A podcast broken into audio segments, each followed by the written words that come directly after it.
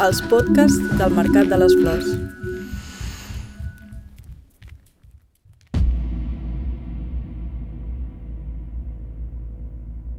El cuadro de la última cena está muy bien hecho, está muy equilibrado y a la vez hay desequilibrio. Con esto me explico.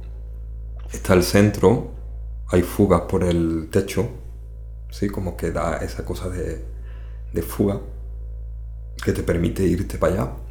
Pero después está dividido en grupos de tres. Tres apóstoles. Sí, tres, tres, tres, tres. Que son doce, ¿no? Y hay esta idea como de, la, de las personas mayores que están por un lado. Hay alguien que se parece a Jesús. Sí que eso también crea como un poco de, de comunidad de familia también. Em, hay traiciones por el medio. Hay, em, hay pan, hay sal derramada. Hay colores. Y es que es, es como muy perfecta su composición porque te permite meterte ahí e incluso meterte como un, un, apóstol más, ¿no? O como en mi caso con la, con la imagen de Jesús, ¿no? Como centro que acoge, invita en una mesa a, a otros, ¿no? No sé, se ven muy guapos los, los apóstoles. No sé cómo se ven. Esta cosa como...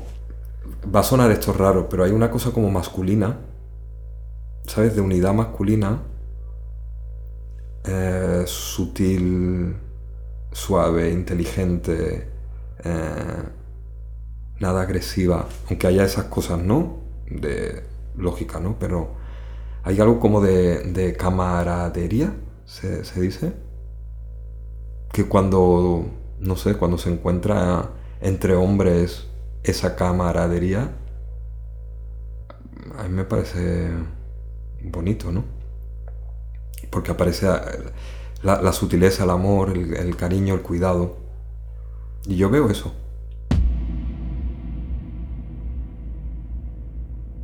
Juan Carlos Lérida va créixer amb un tapís del Sant Sopar cobrint el sofà de casa als seus pares. La imatge de Leonardo da Vinci es va convertir en un retrat de família i avui és el motor del seu projecte més ambiciós, la Litúrgia de les Hores, que comença a les 12 del migdia i acaba a les 12 de la nit. Aquest sevillà establert a Barcelona ha convertit el flamenc en una eina d'investigació, fora d'estereotips, que desborda les lleis del temps i de l'espai dels contextos culturals regulars.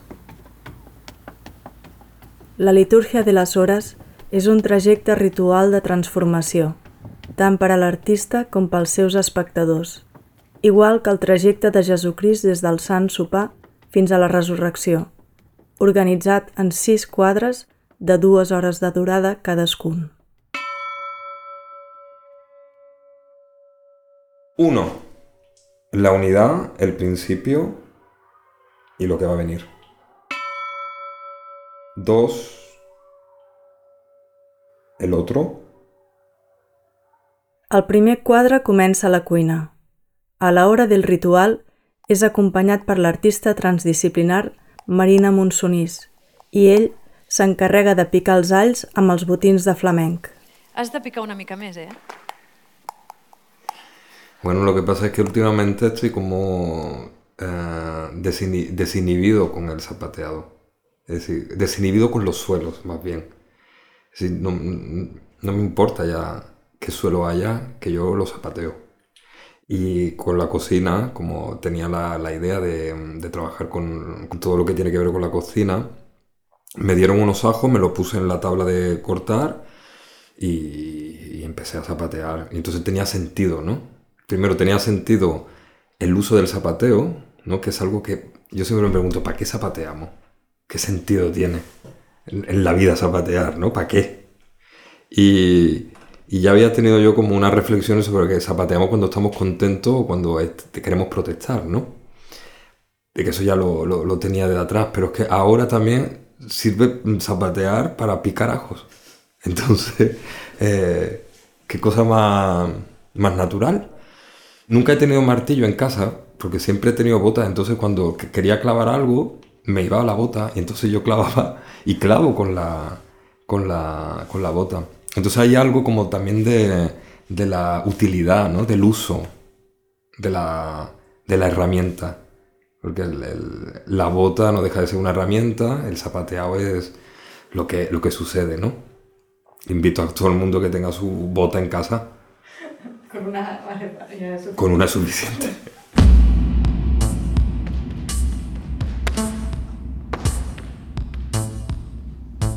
El solo no existe. Como concepto no existe. El solo no... Siempre está algo a lo que tú te, te ofreces, o algo en quien piensas, o, un sonido.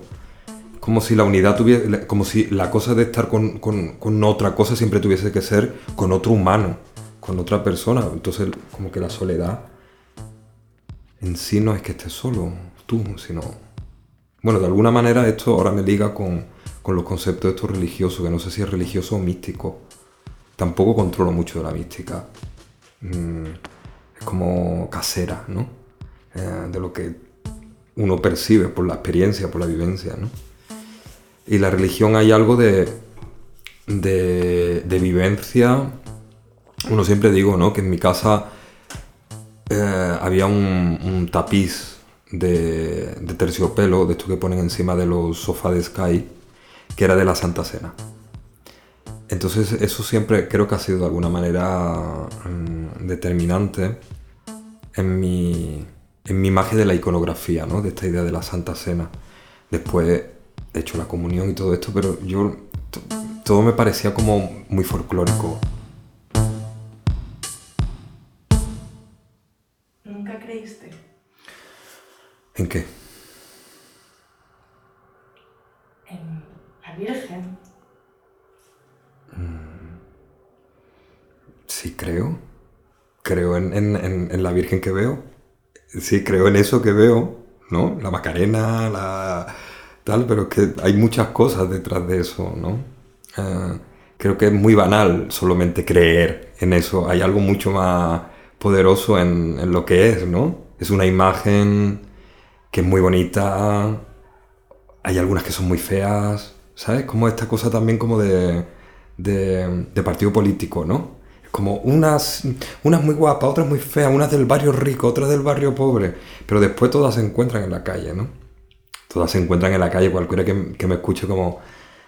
Pero es que, claro, es que yo recuerdo vivir en, en una época que viví en Triana y es que por la tarde, tarde sí, tarde no, siempre parecía una virgen por la calle, porque ensayaban a pasear los, los pasos. Entonces, claro, de momento tú te encuentras una virgen natural por la calle, ¿no? Entonces, la, la cuestión de la creencia para mí tiene que ver más con algo que me, que me transmite mi familia, ¿no? Como esta idea casi obligada de la creencia, ¿no? Desde de pequeño, ¿no? Lo único que pasa es que cuando me hago mayor, pues me doy cuenta de que es una responsabilidad mía, ¿no? De cómo yo tomo eso, ¿no? Al principio lo niego, eh, como niego todo mm, cuando era muy joven, ¿no? Niego la tradición, niego muchas cosas. Y ahora pues estoy como más relajado. Pero la, la cuestión de creencia, yo qué sé, yo ahora mismo creo en, en mí, en mi cuerpo, en mi, en la capacidad que tengo de, de manifestar las cosas. ¿Sabes? Ahora mismo estoy descubriendo cómo bailar, me, otra vez me... Bailar, bailar, no bailar, bailar, bailar. Que es cuando te, te- te sumerges en el, en el movimiento y te dejas que él te, te transporte, ¿no? Y que te diga, es, en ese momento, ahora estoy sintiendo como, no sé, como resoluciones a muchas cosas, ¿no? Como a, a la confianza, a tener capacidad para cambiar de, de, de, estado. Pero te lo puedo explicar como algo que me pasa cuando bailo, cuando me, me sumerjo. Entonces, por eso digo, creo en mí.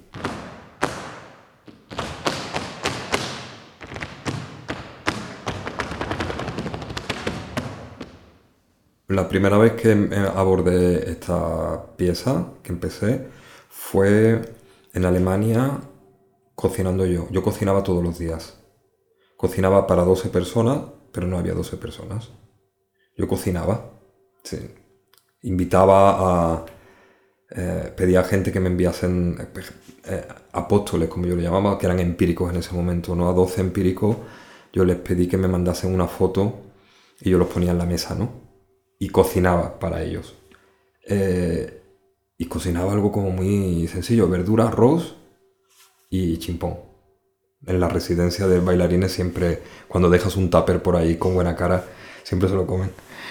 Pero, bueno, la idea era como, ya no eras, fíjate, para mí no era si me salía bien o mal, era como practicar los tiempos. Hay algo de la cocina que me gusta, que es los tiempos. Que dura lo que dura. Y te tienes que rendir a eso. Eh, y a mí lo que me gustaba era como tener esos tiempos y ver qué pasaban en esos tiempos. Porque hay un momento en el que tienes que esperar, por ejemplo. ¿No? Hay un tiempo de mucha actividad. Después otro que, es como, vale, lo vas echando, el, el, de las alquimias, ¿no? El de mezclar cosas. Y ahora hay un momento de espera. Y en ese momento de espera, ¿qué pasa? Cuando estás solo, ¿no? Claro, te puedes evadir e irte a, otra cosa, pero yo me he quedado ahí, ¿no? ¿Qué haces? Limpias, bailas, ta, ta, ta, Entonces para mí primero había los tiempos. Lo que me di cuenta es que cada día me salía mejor la comida, o por lo menos que tenía un sabor más bueno.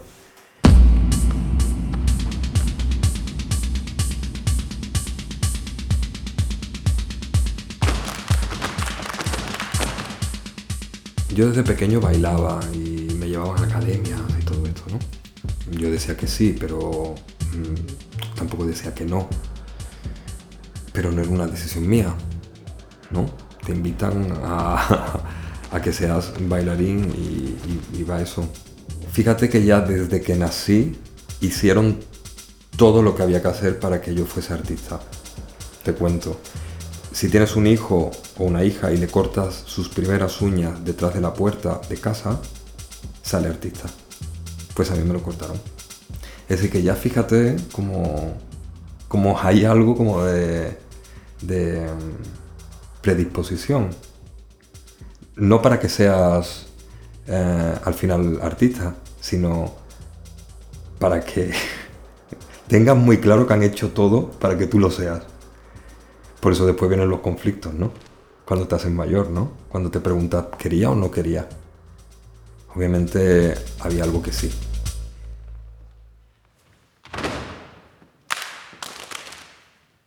Mi padre era gitano.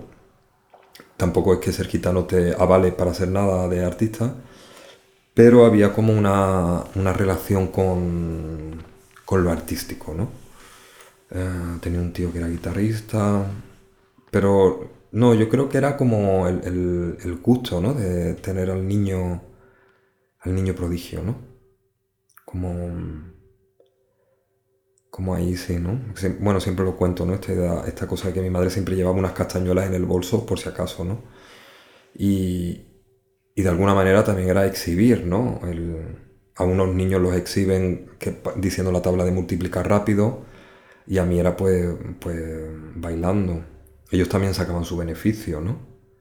Porque si el niño bailaba, lo mismo mm, le invitaban a un cubata, ¿sabes? Y, pero yo no lo vivía mal, no lo vivía mal. Es simplemente de mayor tú vas haciendo como, como, como cábalas cuando tú te das cuenta que quizás tu línea artística no representa eso que, que pensaban tu, tu, familia, ¿no? O, lo, lo, que hay alrededor, pero ya está, es una fisura que, que lo que hace que te, te empuja a, a, superar cosas, ¿no? Cuando acababa de dar clases, de tomar clases, mi madre me esperaba, e, era una academia que tenía un bar, y recuerdo que ahora mismo me viene, me acuerdo de esas tostadoras grandes que pones ahí, que te pueden hacer un sándwich o lo que sea, un bocadillo, y era la tostada y la mantequilla súper derretida. Y me ha venido esa idea porque sí es verdad que, que, que era algo muy, muy feliz cuando pasaba.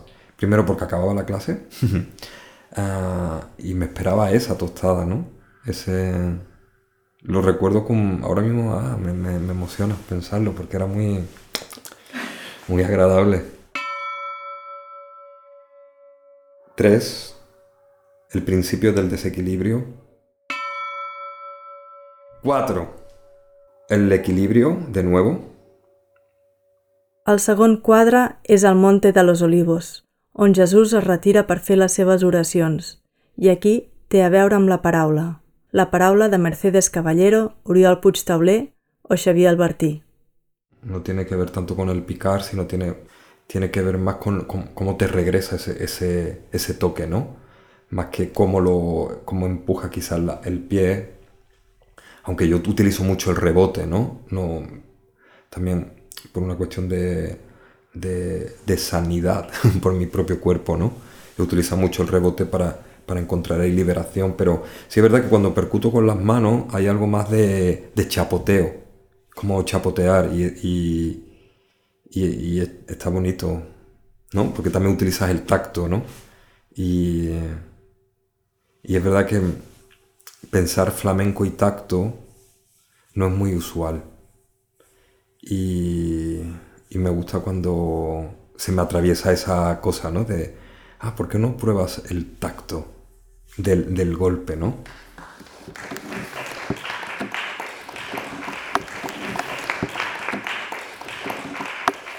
Un gesto tan codificado que para mí me olvidé de que yo utilizaba el tacto. ¿Sabes cómo olvidarte que tienes olfato? Y estás respirando y te olvidas, ¿no? O la, mirada, ¿no? Igual. Pues el hecho de dar palmas y olvidarte de que tienes el tacto es como, ay, qué pena. Qué lástima, ¿para qué? Teniéndolo. Y sí que cuando, cuando vuelves otra vez a tener ese, esa cosa tan primaria, ¿no? De decir, no, pero es que lo que se basa es el tacto. Hay micro cosas que empiezan a pasar muy bonitas. 5. La fuga. Está el equilibrio y aparece la primera fuga fuerte y, determinante. 6. El espejo de los desequilibrios. La separación.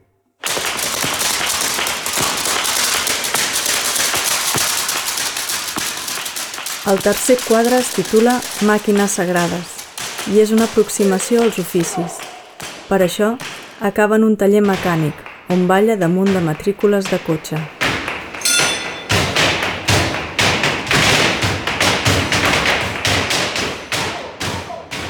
Mira, el sonido de matrícula es el descubrimiento más maravilloso que me, que me ha venido.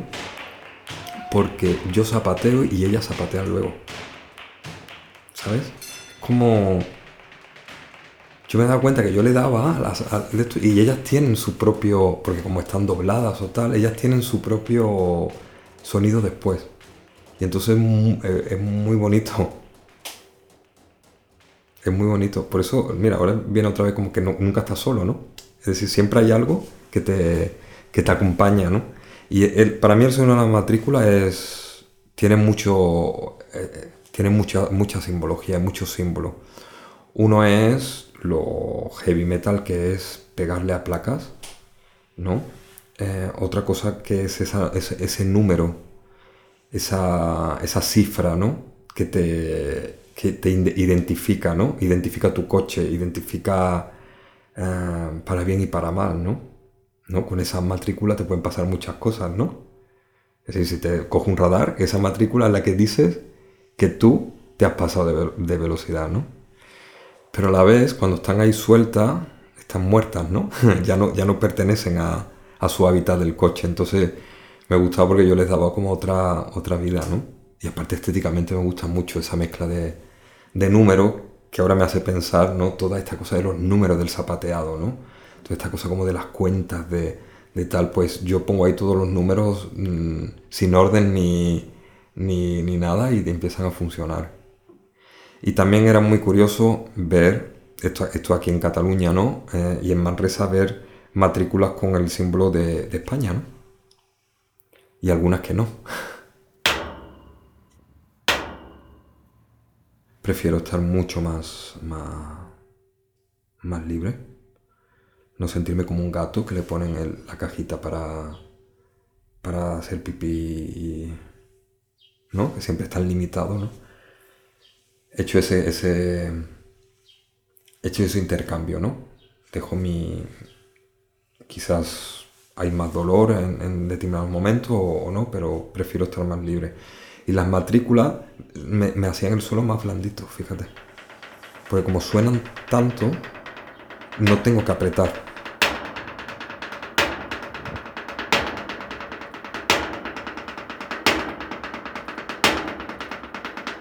Lo más importante es darme cuenta que bailar es otro oficio. Y, te convierte en, en- en- en alguien muy, muy horizontal con la otra persona. No, no va de estatus, ¿no? Bailar, ¿no? Todo lo que tiene que ver con, con bailar y la, élite del cuerpo, de la danza y de, de tal. Lo que sí he descubierto eso. También, también he descubierto mm, a personas que tienen oficio o, oficios que tienen a personas que, que están muy desconectadas de, de, de- de- de su propio oficio, ¿no? Es decir, como que yo descubro más cosas de su propio oficio que ellos mismos, ¿no? Que esto me pasó con los talleres de coche. El- los mecánicos, claro, los mecánicos estaban haciendo su, su cosa, a ellos les, les da igual. Pero cuando uno me dice, ay, es que, es que tú ves en mi, en mi cuerpo y en mi oficio cosas que yo no le presto atención y que son muy, muy importantes, muy curiosas, ¿no?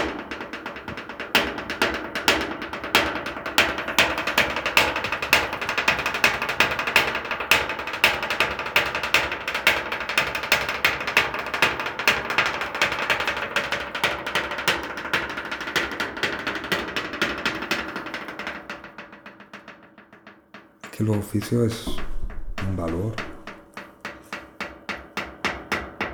Es algo que tú has tomado la decisión o, o la circunstancia te ha llevado ahí para ofrecer algo, para dar algo, para ser un canal.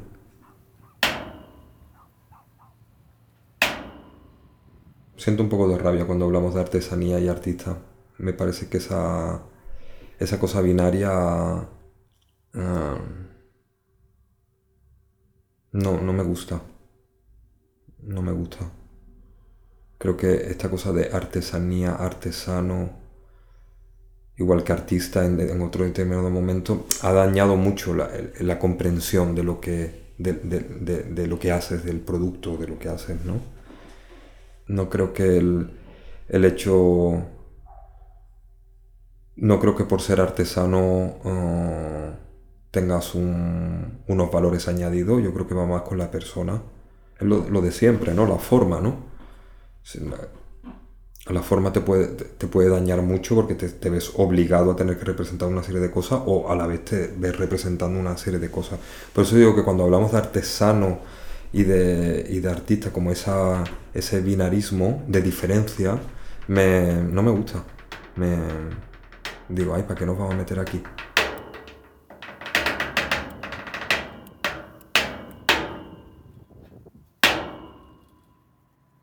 No, no me gusta la palabra flamenco contemporáneo, o por lo menos no me gusta para mí. Em, entonces flamenco empírico surgió también como, como, nombrarlo, ¿no? Cómo nombrar esto que yo veía o, que yo sentía o que yo eh, exploraba. Y vino por el festival que, que comisarié con el Mercado de las Flores. Entonces flamenco empírico fue un primero fue como la, la marca o el, o el sello desde donde yo podía volcar muchas ideas que tenía sobre cómo involucrar a los artistas del flamenco en, otra, en otras acciones, actividades. Y quizás eh, lo empírico, lo que para mí venía era como que todo se demostraba por la experiencia. ¿Y por qué decía eso? Porque yo sentía que yo y gente de mi generación no habíamos tenido mm, como referencias claras de por dónde enfocar nuestro, nuestro flamenco. Es decir, creo que en mi generación existió una brecha que saltamos desde un flamenco tradicional a lo que empezamos a hacer nosotros. Si es verdad que yo, bajo mi hipótesis, en los años 70 hay una línea de Mario Maya y de la cuadra de Sevilla, donde empieza a ver, por un lado, el, posicionamiento político, mm, artístico, que, atravesó el flamenco, en el caso de la cuadra, o el caso del teatro protesta con un poco de jazz que había venido también de, de Estados Unidos y que había quedado un poco aquí como principios de danza moderna y tal, que enfocaba como un flamenco, como un flamenco moderno, como algo así. Pero claro, mi generación ni estábamos en el mismo momento político y ese danza moderna que tampoco nos había tocado. Entonces yo sentía como que habíamos aprendido por la propia experiencia, por el error y acierto. Y que la, y la experiencia, lo empírico, había sido nuestro... Ahora, ya, ahora las generaciones nuevas ya tienen como referentes eh, de creación referencias pedagógicos también para poder mm, atravesar, ¿no? Pero yo sentía que no, entonces lo empírico funcionaba muy bien para mí para, para hablar de eso, ¿no? De el flamenco a partir de la experiencia. Después se convierte en un método, sí. Por un lado está un trabajo somático, ¿no? Mm, de, conciencia corporal con los zapatos, en este caso puestos, que pueden ser sin zapatos, pero con los zapatos puestos, con, con ese grado, con ese plus, con ese porcentaje que ya tiene algo de estereotipo, ¿no? Te pones los zapatos y ya hay algo, pues la toma de una conciencia somática de qué es tu cuerpo dentro de esos zapatos, ¿no? Eso es uno. Otro es el concepto del, desequilibrio como motor y principio del zapateado que de alguna manera es, provocar que el zapateado habite el espacio, que no sea solo algo que esté vertical, que, que, te hace agarrarte a la falda o agarrarte a la cintura y dale que te pego, sino tener la posibilidad de que el zapateado atraviese el espacio, atraviese el mundo, se desplace por el, por el mundo.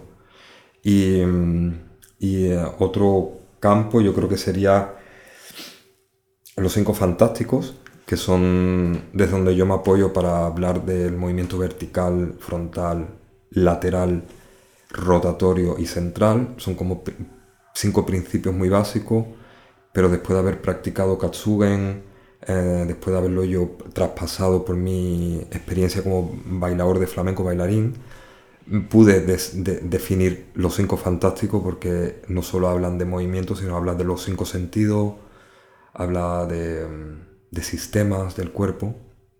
Entonces hay una parte somática y una parte artística también, que es los desequilibrios y también quizás una manera de enfrentarte a la composición.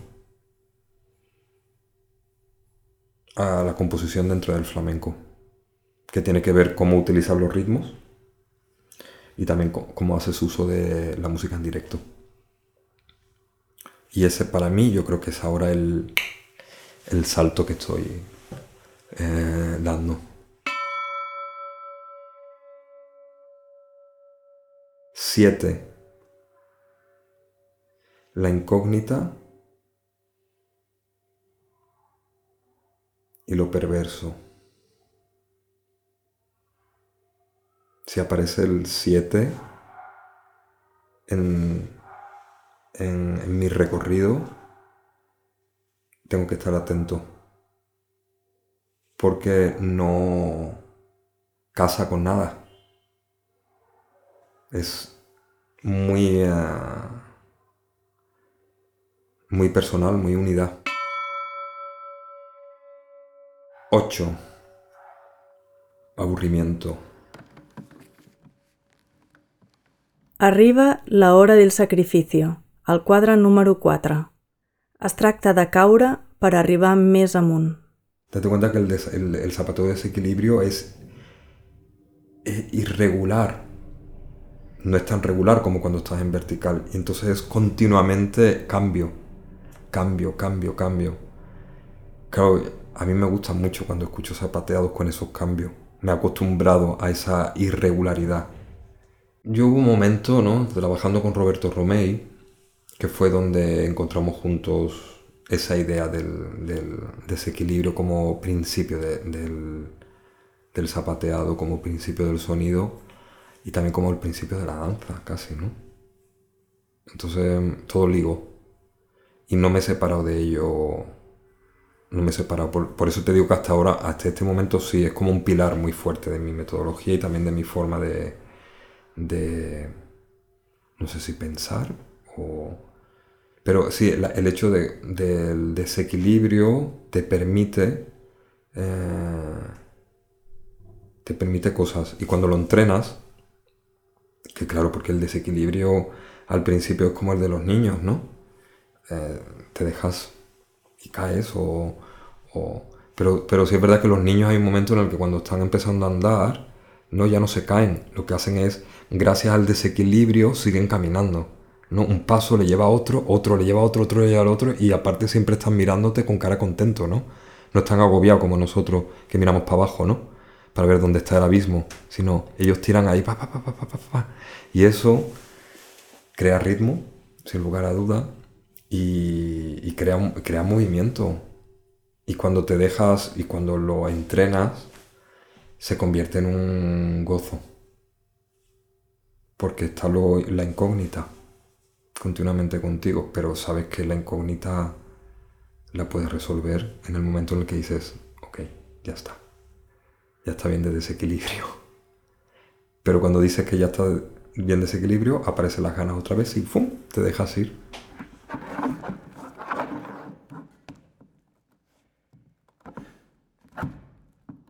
Si tiene algo el flamenco que a veces un sentimiento no permite que afloren otros. Entonces todo se vuelve muy bidimensional. Y y lo bonito está cuando puedes ver fisuras, ¿no? Como dentro de la tristeza hay algo de... Esto, por ejemplo, lo tiene una bailadora que se llama Manuela Vargas, que el otro día volví a ver una película donde ella salía.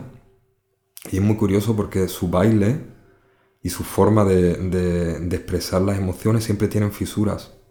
Está, está como triste, pero tiene algo de curiosidad, o tiene algo como de ternura o muestra algo de sorpresa. Y eso es bonito, ¿no? 9. Silencio. 10.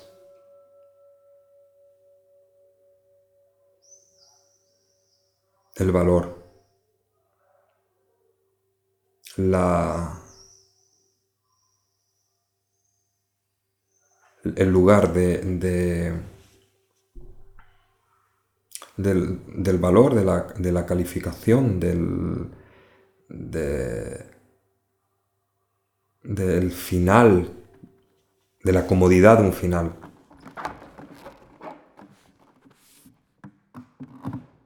El cinquè quadre és 12, l'única part d'aquesta litúrgia que passa en un escenari. Parlem d'una obra coreogràfica de gran format – en vídeo en directe, la música de François Cecaldi i el cante del Pirata, amb 12 intèrprets i ell mateix. En l'última escena, ell surt i es mira com allò que ha creat continua i es transforma, sense ell. Yo creo que desde fuera más como se notan los cambios. Yo desde dentro sí, hay cambios que te lo determinan, lesiones o es donde te, determinan cambios más drásticos, ¿no? Pero como últimamente he descubierto que consigo cosas que tienen que ver más con traspasar esos mm, límites, ¿no? Es decir, de, decir, mira, las rodillas me, molestan con, cosas, ¿no? Pero he encontrado la manera ahora, por un tipo de, de práctica de danza o algo, que los atravieso. Entonces, me di cuenta como que, mm, que, que, la madurez del cuerpo también te da un, una recompensa cuando lo, miras con, valor y amor a esa, a esa madurez. Otros momentos que pasan más complejos es cuando te ves desentrenado, ¿no? Ah, cuando lo mismo siente que tu musculatura no está, no está rápida para ciertas cosas, ¿no? Ahora si te digo la verdad, estoy con, un punto muy, muy alto de, de, fuerza, de resistencia, que ahora que lo pienso parece un valor, ¿no? Pero lo mismo también es un valor tener un cuerpo para bailar que esté suave, la musculatura no esté tensa. Lo he probado en momentos de, claro, en estos años he probado mucho. Pero me siento quizás más reconocido en, el, en, la, tensión, en el, cuerpo que, que, tiene la tensión para sostener. No sé si ahora empezará a cambiar, no lo sé. Sí me he dado cuenta que el entrenamiento que estaba haciendo para, la liturgia que tiene que ver más con, un entrenamiento de danza, pero también un entrenamiento muscular más gimnástico, he encontrado como fisuras con, la danza. Quizás hay algo en la, en la onda, en la poesía del movimiento que danza, que cuando entrenas el otro o cuando yo entreno el otro me lo, me lo inhibía.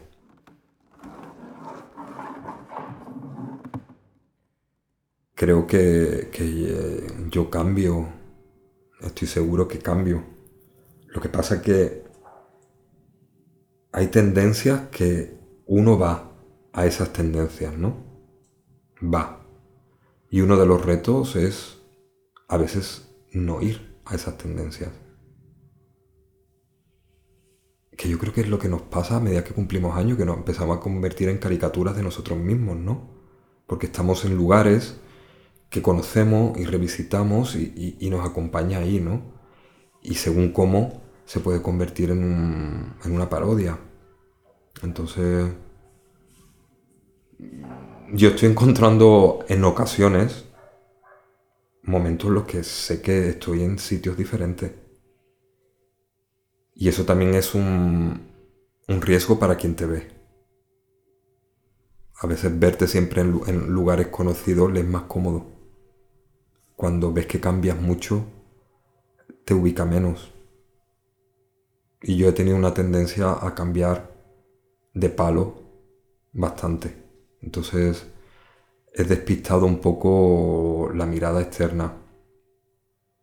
O se ha despistado la mirada externa. Yo no lo he hecho con la, la idea de despistar. Pero si el otro no tiene la capacidad de ver la variedad, pues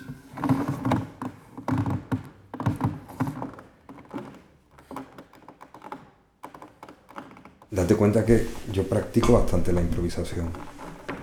Y eso te afina hacia estados donde, donde no solo estás moviendo tu cuerpo, estás moviendo el espacio compartido y estás en sintonía no solo con lo que está sucediendo ahí, estás en sintonía con lo que está sucediendo alrededor y si tienes la capacidad estás en sintonía con lo que con lo que está sucediendo fuera hablemoslo de pensamiento, ideas, momentos. Ah, entonces,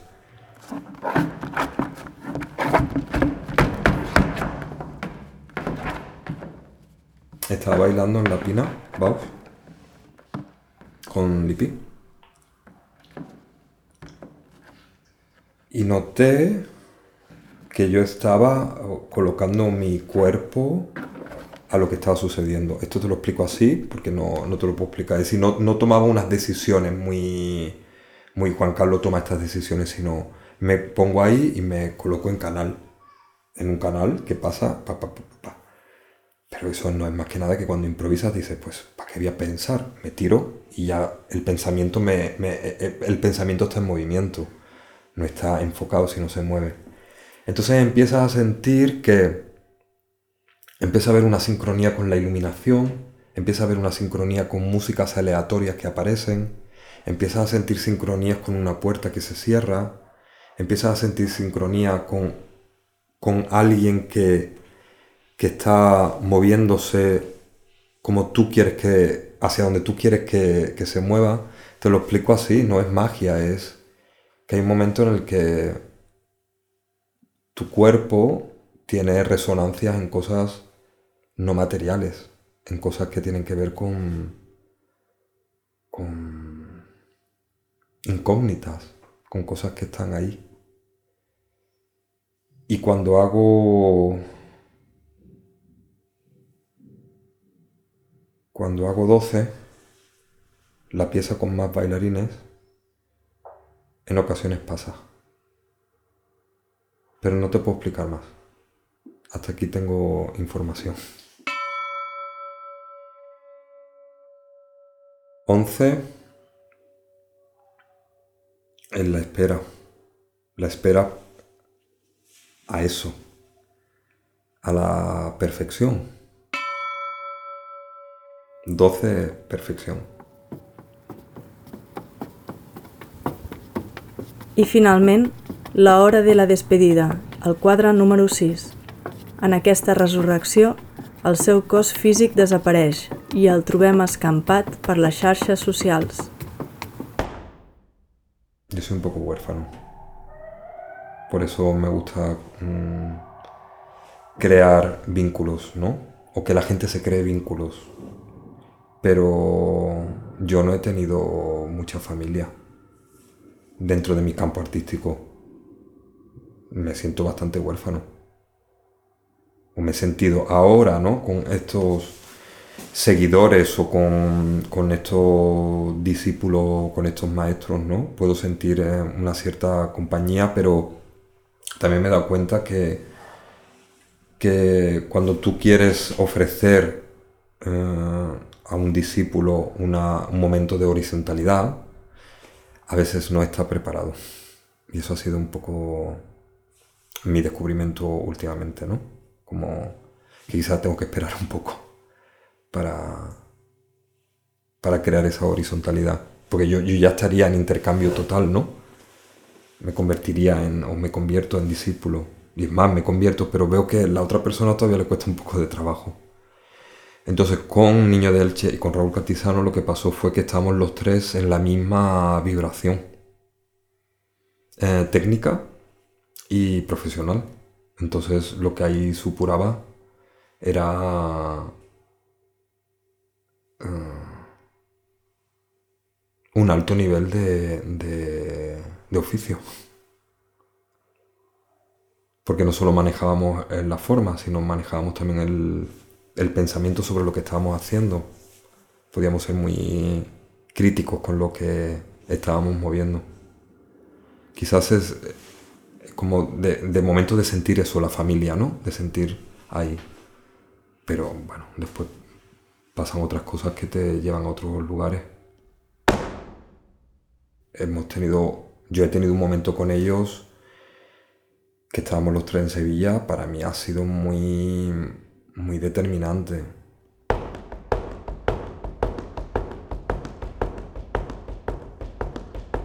Sí, ahora estoy en un momento muchísimo más colectivo. Sí, sí. Durante mucho tiempo fui muy celoso de lo que estaba pasando conmigo.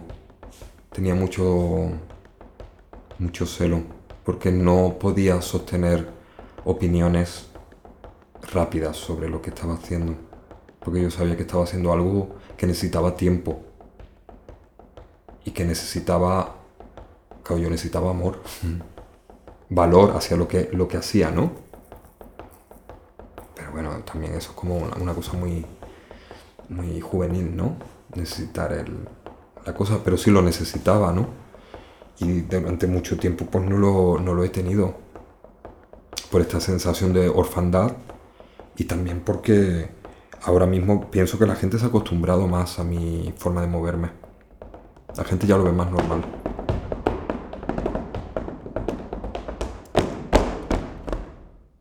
Coincidió de que, de que hubo un momento por parte del Instituto del Teatro donde hay una serie de gente que, que empieza a estudiar conmigo y sobre todo que empiezan a sentir que lo que estudian conmigo les ayuda a hacer sus viajes personales.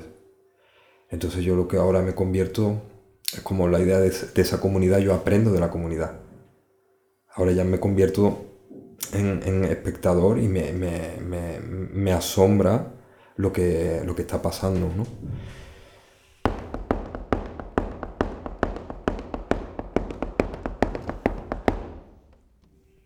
Yo he tenido mis maestras. Una de ellas fue Mercedes Boronat, que me enseñó uh, a respirar y a improvisar. Lipi es una maestra muy cercana, porque está muy cerca ahora mismo de, de mi época por lo cual la madurez también te, te ayuda a ver a los maestros también desde otra perspectiva, ¿no? No son gente inalcanzable, todo lo contrario, son muy cercanos. Después hubo una maestra de flamenco que se llamaba La Tona, que me enseñó a mover los brazos. Eso en el mundo de la danza, ¿no? Y pienso, ¿Y en otro mundo hay maestros o maestras, seguidores? No lo sé. ¿Tú no lo identificas? ¿Tú no identificas situaciones que tú dices... Si tú haces una, una comparación con el flamenco con otra cosa, ¿no? Como... No sé. Como cuando decían duende. O cuando decían... Uh, esto tiene poesía, ¿no? O esto tiene magia, o esto tiene... Esto es... Eh, eh, es reversado, o esto es... Esto es ¿no? Vives momentos, situaciones en los que algo pasa en el, en, el, en el, ambiente que te hace conectar con eso, ¿no? ¿Y esto es el flamenco?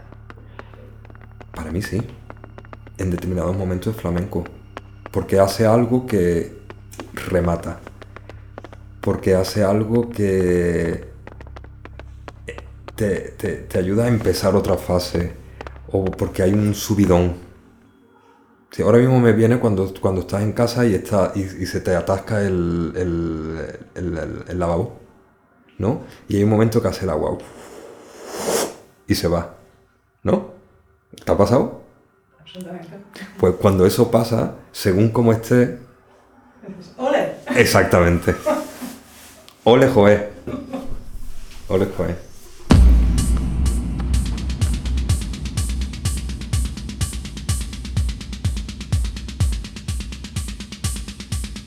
Aquest és un podcast del Mercat de les Flors, Barcelona 2021.